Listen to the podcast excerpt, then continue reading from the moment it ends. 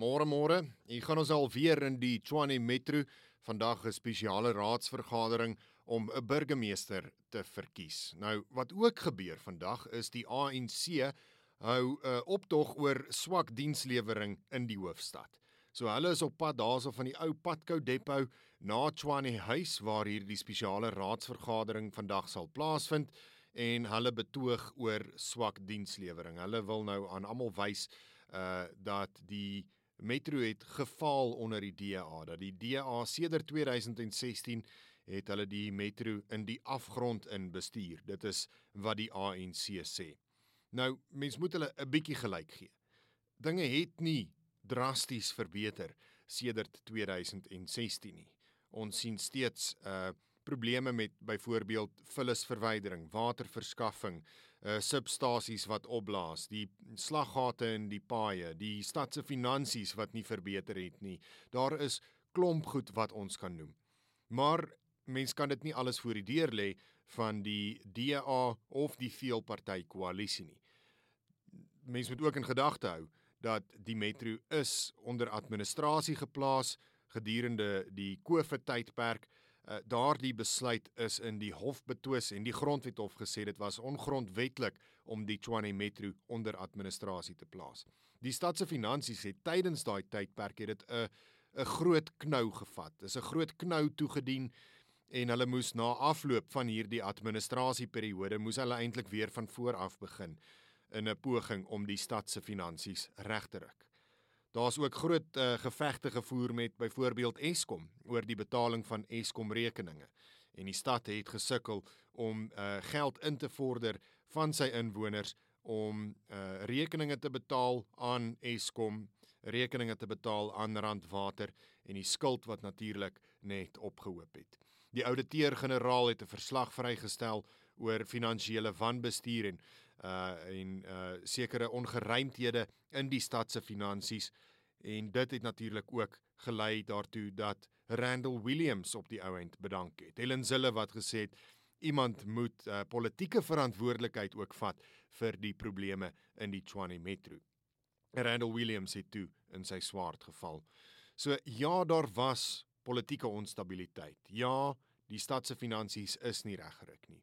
Ja, uh, daar is steeds probleme met dienslewering in die stad, maar ek glo nie alles kan voor die deur van die veelparty koalisie gelê word nie. Vandag word daar dan nou ook 'n uh, 'n uh, nuwe burgemeester verkies. Die veelparty koalisie se kandidaat steeds sal hier bring. Ek is nog in die duister oor wie presies die ANC en die EFF gaan voorstel en ek dink hulle gaan wel weer daardie uh daardie formule volg wat hulle nou reeds doen vir 'n rukkie en dit is om 'n uh, kandidaat te kry van 'n kleiner party uh heel moontlik 'n uh, een setelparty in die metro om dan as burgemeester te dien. Dis wat hulle gedoen het met Marunwa Makwarela. Dis nou wat hulle gedoen het met die speakerspos wat aan ATM gegee is en dan sal hulle die burgemeesterskomitee uh, daardie poste sal hulle onder mekaar verdeel tussen die ANC en die EFF en hulle sal aan hierdie burgemeester wat eintlik maar net 'n marionet gaan wees van die ANC en die EFF sal hulle mooi laat weet dat die burgemeesterskomitee moet bestaan uit lede van die ANC en die EFF. Dis nou natuurlik as hulle vandag se verkiesing wen. Daar is 'n uh, groot vraag oor uh, of daar genoeg raadslede is in die veelparty koalisie om hulle kandidaat sal hier bring uh, verkies te kry as burgemeester. Ons weet Action SA het uh, een van sy raadslede uh, verwyder en daar's 'n vakature daar. Cope het intussen glo weer sy raadslid vervang, so Ek wonder hoe gaan Cope stem. Cope gaan 10 teen 1 saam met die ANC en die EFF stem nadat hulle uit die veelparty koalisie geskop is oor uh, die gebeure na afloop um, of die gebeure met Marunwa Makwarela. Dan 'n ander storie wat steeds die voorblaaie haal en dit is nou natuurlik Maandag se beplande eendag staking deur die EFF en mense is bekommerd oor presies wat gaan gebeur en waar gaan hierdie betogings plaasvind en en waar gaan daar optogte gehou word? Waar beplan hulle om paaie te versper en om mense te keer om by die werk uit te kom? Volgens die EFF is dit oor die land heen, maar mens moet in gedagte hou is 'n 10% party wat vrees injaag in elke liewe Suid-Afrikaner of ten minste probeer om dit te doen. En ek sien Patco het nou reeds die knie gebuig en gesê maandag sal daar geen padkou busse op die pad wees nie. Dit het natuurlik 'n baie groot invloed op hoeveel mense by die werk kan uitkom. As jy nie van daardie openbare vervoer gebruik kan maak nie, dan raak dit vir jou baie moeilik om by die werk uit te kom. Santaku, die taksivereniging het gesê hulle sal nie aan hierdie staking deelneem nie. Daar's nie tyd uh, vir sulke speletjies nie. Die ekonomie is reeds lam gelê en mense moet uh, steeds by die werk gaan uitkom. Mense moet steeds werk. Hulle dink nie dit is sinvol om die land tot stilstand te dwing nie. Dan het president Cyril Ramaphosa ook gister gesê hy sal nie toelaat en die wetstoepassingsagentskappe sal nie toelaat dat anargie en wanorde heers komende maandag nie. Die polisie het ook vandag 'n uh, uh, geleentheid waar hulle hulle gereedheid uh, bevestig vir maandag se nasionale eendag staking. Waar gaan Julius Malema wees? Wel, dit klink vir my asof hy op pad is Unie gebou toe. Hulle eis natuurlik dat uh, president Cyril Ramaphosa met onmiddellike effek moet bedank. Ramaphosa wat gesê het daar sal geen regime verandering wees deur uh, anargie en uh, wanorde nie en dat dit by die stembus moet plaasvind.